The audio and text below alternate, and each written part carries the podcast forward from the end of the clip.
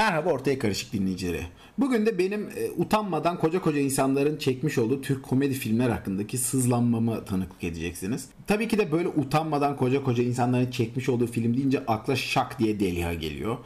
E, nedir abi bu Deliha? Allah rızası için bu kadar kötü film yapmayı nasıl başarabilir bir insan? Bu filmi şöyle bir anda izlemiştim. E, seyahat yapıyordum otobüsle ve gerçekten söylüyorum otobüste sadece e, Delia filmi var. Başka hiçbir müzik yok, hiçbir şarkı klibi yok, hiçbir film yok. Sadece Delia var. Otobüs belli ki Gupse Özay'ın otobüsü. Bu çok belli. E, ve her şeyi denedim. Filmi izlememek için biliyorum başıma geleceği. Ondan hani film izlememek için her şeyi denedim. Dışarıyı izledim önümdeki kadife koltuğun desenlerini inceledim. Yanımdaki öpüşen çifte arada bir baktım. Tekrar dışarıyı izledim. En sonunda dedim ki ya arkadaş bu kırmızı kadife koltuktan daha kötü olabilir mi? Oldu. Daha kötü oldu. Keşke o kırmızı kadife koltuğun desenlerine baksaydım bir buçuk saat. O günden beri düşünüyorum bundan daha kötü ne izleyebilirim diye. Peki denedim de bulmaya çalışın daha kötüsünü. Çünkü insan üzülüyor. Sinema gibi çok güzel bir sanat dalında bu kadar izlenebilecek dünya üzerindeki en kötü şey çıkarılmış olması insanı üzüyor. Ve ben o yüzden Nihat Hatipoğlu'nu açtım e, beklediğim verimi vermedi. Deliye kadar kötü değildi. E, şeye şans verdim. Camilerde imam stand-upçı kombinasyonu e, yapan böyle adamlar var. Ee, ben de sosyal medyada gördüm videolarını. Fanı değilim yani bu tarz insanların. Ama Delia'da daha kötü olacağı bu çok belli deyip bunu açtım. Hayır. Ee, onlar da daha kötü değildi. Şöyle ki ha, tabii ki onlar da güldürmüyor zaten ama e, en azından hani böyle dümdüz ekrana bakıyorsun onda. Delia'da gözünden yaş akıyor. Hani üzülmeye, ağlamaya falan başlıyorsun. Derken gerçekten en kötü olan şeyi buldum. Delia'dan daha kötü olanı var. İçim rahatladı. Delia'yı izlemekten daha kötü olan tek şey ebeveynlerinin e, cinsel münasebetine denk gelmek. E, en azından mutluydum. Yani sanat dalının kurtarılışı var burada. Derken şak diye Delia 2'yi gördüm. Yapmayın. Gerçekten diyorum para bu hayatta bu kadar önemli bir şey değil. Olmamalı. Zaten ihtiyaçlarını karşılıyorsundur. Sayın Gupse Özay ne olursun diyorum bak. Delia 2'yi gördüğüm günden beri para biriktiriyorum. Delia 3'ü çıkaracağında direkt Gupse Özay'a vereceğim ki filmi çekmesin. Baba bir de dijital bir dünyadayız artık. Her dijital verinin kayıt olduğu kurtulamadığın bir dünya. Mesela 16. yüzyıl bakıyorsun Shakespeare Da Vinci eserleri var onları görüyorsun. Yok mudur o dönemin sadece Şeyma kalitesinde bir kitabı? Vardır ama günümüze gelmemiş. Muhtemelen yok olup gitmiştir. Çünkü dijital bir kayıt yok. Gerçi o zaman da sadece Şeyma kalitesinde bir kitap olmayabilir. Çünkü bu tarz canlıların en büyük besin kaynağı nafaka. Hani o yüzden o dönemlerde olmamış olabilir. Ama siz benim ne demek istediğimi anladınız. Şu an öyle değil abi. Geldin mi 2100'e? E, torunlarımıza, çocuklarımıza diyeceğiz ki bakalım 21. yüzyılda ne gibi e, sinema sanatında filmler varmış. Pat Delia 1, Delia 2, ve böyle hani seri anladınız ya. Yani normal hani filmlerde şey olur ya. O bile ne kadar aslında korkunç bir mantıkla yapıldığın filmin kanıtı. İşte Yüzüklerin Efendisi, Yüzük Kardeşliği. Hani bir iki falan öyle gitmiyor yani. Yüzüklerin Efendisi kralın dönüşü. Bir hikaye var arkada. Delia 1. Delia 2. Delia 3. Ya böyle Recep İvedik 7. Recep İvedik 7 diye film çıkıyor ya.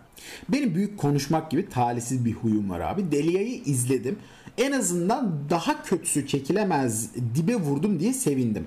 En kötüsünü izlediysen bir filmde aslında bu gerçekten çok büyük bir artıdır. Sebebi şu zaman çok önemli bir şey. Artık böyle hani 17, 16, 15 yaşlarındayken 20'ye kadar 22'ye kadar hatta önüme gelen her filmi açıp izliyordum. Baktım artık hani zaman geçiyor. Şu an 28 yaşındayım ve yani bu kadar zaman kaybı yapamam. Her filmi izleyemem. Güzel şeyleri izlemem lazım. Eşimle de bu yüzden bir film seçmeden önce bayağı düşünüyoruz. Onu mu izleyelim? Film seçme sürecimiz bir buçuk saat. Ee, sonra yarım saatte filmi boktan olduğuna karar verip kapatıyoruz. Hani işlem böyle gidiyor. Delia'yı işte bu kısımda sevindim. Delia'yı izledikten sonra zaten en kötüsünü izledik. Yani biz bizim kaybedeceğimiz hiçbir şey yok arkadaşlar bu saatten sonra. Dibe vurmuşuz çoktan çok azdan az gider modunda her filme giriyoruz. Her diziyi açıyoruz Netflix'ten. Yapıştır. Açıyoruz, izliyoruz. Derken işte böyle mutluyuz. Hayat çok güzel. Bayi toplantısı filmini açtım. İbrahim Büyükak'ın yazdığı bir film. Ee, yol arkadaşı filmlerini izlemiştim İbrahim Büyükak'ın ve yol e, gitme konsepti. Dünyada böyle bir konsept film konsepti var, yol konsepti. Bu konsepte gayet güzel filmler. Zaten çok fazla Türk bir örneği yok bu filmin. Bir tane daha var. Sanatsal bir film. ismini unuttum şimdi.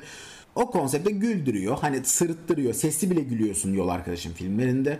E, yeter. Hani zaten Türk komedi filmlerinden çok çok büyük şeyler beklemiyorsun. Birazcık küçücük ufacık bir derdi olsun sana anlatmaya çalıştı ve birazcık tebessüm ettirsin yeter. Fa- hakikaten fazlasını aramıyorum. Ona rağmen bir buçuk saat in- yani bir insanı hiç güldürememek çok zor. Çok çok zor. Çok bir insanı bir buçuk saat oturtayım karşıma hiç konuşmayayım hiç hiçbir şey söylemeyeyim. Sadece suratına bakayım 40. dakikada falan güldürür muhtemelen çünkü siniri bozulur bir yerde. Bu filmler hiç güldüremiyor. Mümkün değil aslında böyle bir şey. Neyse Bay Topan filmini e, izliyorum. Bir arkadaşım da var yanımda. Adam filmi yarısında din değiştirdi samimi söylüyorum şaka falan yok burada. Adam dedi ki Allah diye bir şey varsa bunu izlememe neden müsaade ediyor dedi ve ateist olmaya karar verdi. Yani samimi söylüyorum bastonunu falan eline aldı. Çırılçıplak dünyayı geziyorum ben diyor yürüyerek geziyor o sıkıntı. Hani bir yıl içerisinde adam Marmaris'ten İzmir'e gitti. Dünyayı gezeceğim ama diyor bu şekilde çırılçıplak komple kırdı kafayı ve her yani sürekli ne zaman görsem sinema sektörünü ve teknolojiyi lanetliyor. Beni bu hale getirenlere yazıklar olsun diyor. E, değdi mi şimdi ey e, sinema sektörü 3 kuruş kazanacaksınız diye bakın burada bir kardeşimiz kafasını kırdı. Yıl 2015 çok güzel bahar mevsimindeyiz. Kış bitmiş yaz başlangıcı var. Aklıma sıçayım sinemaya gitme kararı verdim. Ata Demirer'in Niyazi Dört Nala diye bir filmi gelmiş. En kötü ne olabilir ki? Bu soru zaten bir insana sıçırtan bu sorudur. En kötü ne olabilir ki aslında beynin sana bu soruyu sordurtuyorsa muhtemelen en kötü olan şeyi yapıyorsun demektir. O yüzden ne zamanki bir şey yapacağınızda sadece film olarak demiyorum. En kötü ne olabilir ki diyorsanız sıçmışsınızdır yapmayın onu. Bu uyarıdır yani.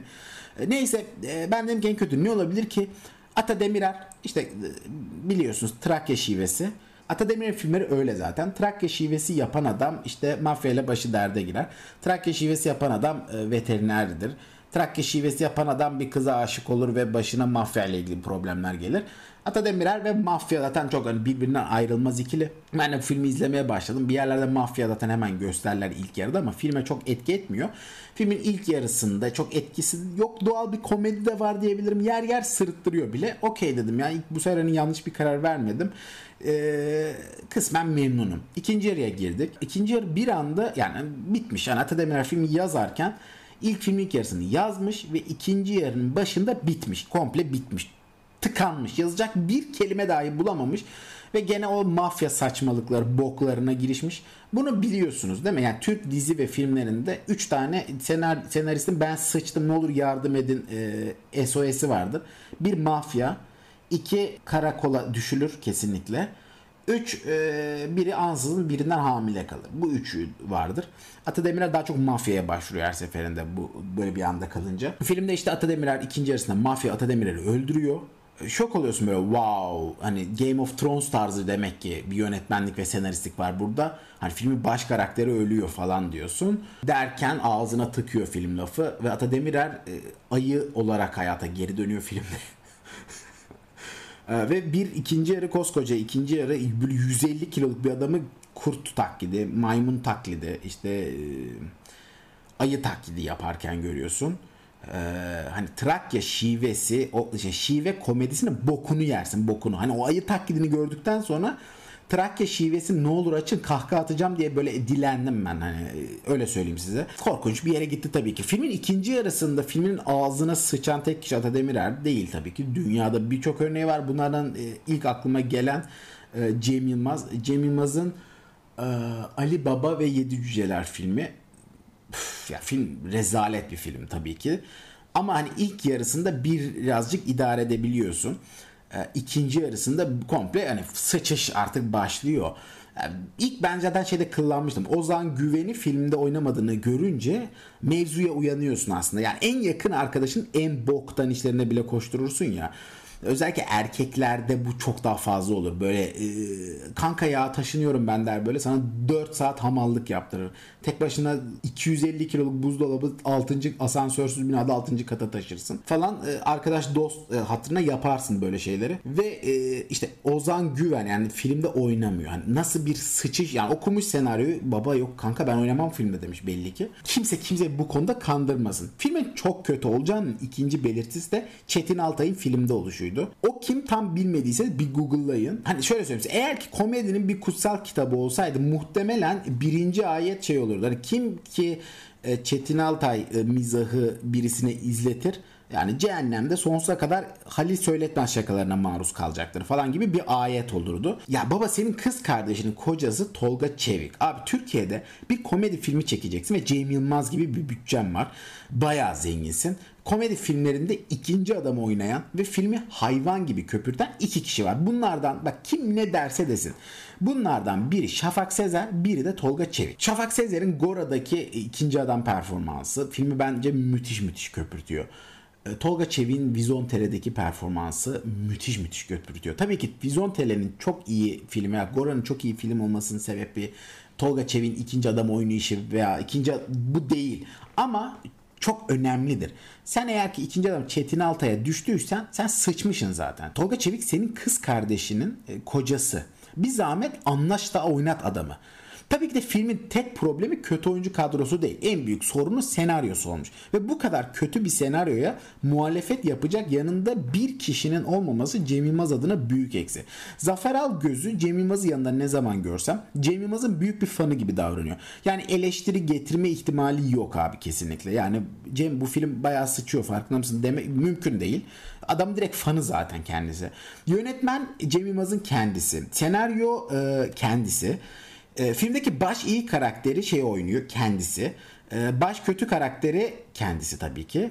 Yapımcısı filmin bu arada haberiniz olsun kendisi. E, kötü bir durumda kendisini uyaracak tek kişi kendisi kalıyor. E, bu çok tehlikelidir. Yani Cem Yılmaz son sıralarda kendi filmlerinin AKP'si oldu. Sorunu bu. E, filmin ikinci yarısı bir başlıyor abi. Kayınbiraderi zombi bir şekilde geri dönüyor. Ee, bir tane Slav bir kadın var. Ee, Türkçeyi bile gerçekten bozuk ya. Çok korkunç. Aklıma geldi ki bir yandan utanıyorum. Ee, Cem Yılmaz o Slav kadını tavlamaya falan çalışıyor. Tüm bu rezillikleri aksiyon komediyle birleştirmeye çalışmışlar. Hani o sette kameraman bile olsam Cem Yılmaz'ın yanına yanaşıp ya Cem abi acaba biz yanlış bir şeyler mi yapıyoruz falan diye sorardım. Simit sat onurlu yaşa lafına geliyorlar. Ee, Vine fenomenleri daha kötü film yazmıyor. Yani koskoca Cem Yılmaz'sın sen. Çetin Altay var abi bir kere. Her şeye geç. Senin filmde ikinci adam Çetin Altay. Ya bu Çetin Altay kim arkadaşlar? Size şöyle söyleyeyim. Çetin Altay'ın en büyük yeteneği Karadenizli'ye benzemesi. İyi bir Karadeniz şivesi yapabiliyor. Bu kadar. Ben bu oyuncu abimizi ilk Sümela'nın Şifresi diye bir filmde görmüştüm önceden. Muhakkak duymuşsunuzdur bu filmi. Ee, yani ben bir şeyi açtığımda kapatamıyorum diyen insanlar var ya böyle hani film olur, dizi olur. Açtığımda bitirmek zorundayım ya falan. Onlar için çok büyük bir challenge'dır Sümela'nın şifresi. Yani bu filmi açıp sonuna kadar izleyebilen insan yok. Yani kapatıyorsun filmi benim baş parmağım refleksle kumandaya bastı kapattı film. Yani yalan bir hikaye. Bu tamamıyla gerçek bir hikaye. E, iki kişi de ölmüş filmi izlemeye çalışırken hani challenge yapmış kendince iddialaşmış ve ölmüş filmin sonlarına doğru. Son 15 dakika kaldığında falan e, can vermiş. E, Allah rahmet eylesin. E, filmi açtığımda yüksek IQ'lu insanlar grubundaydım Sümela'nın şifresini. 15 dakika sonunda Oğuzhan Uğur, Sabri Sarıoğlu ve Ajdar aynı grup içinde yer aldık. Ben 3 yılda eski zekama ancak kavuştum. Diğerleri ben kadar şanslı değil çünkü onlarınki filmle alakalı değilmiş. Son olarak Ahmet Kural, Murat Cemcir ve Selçuk Aydemir bu üçlüyü daha fazla birlikte bir işte görmek istemiyoruz. Sokaklara mı dökülelim? İkinci gezi olayı mı çıksın?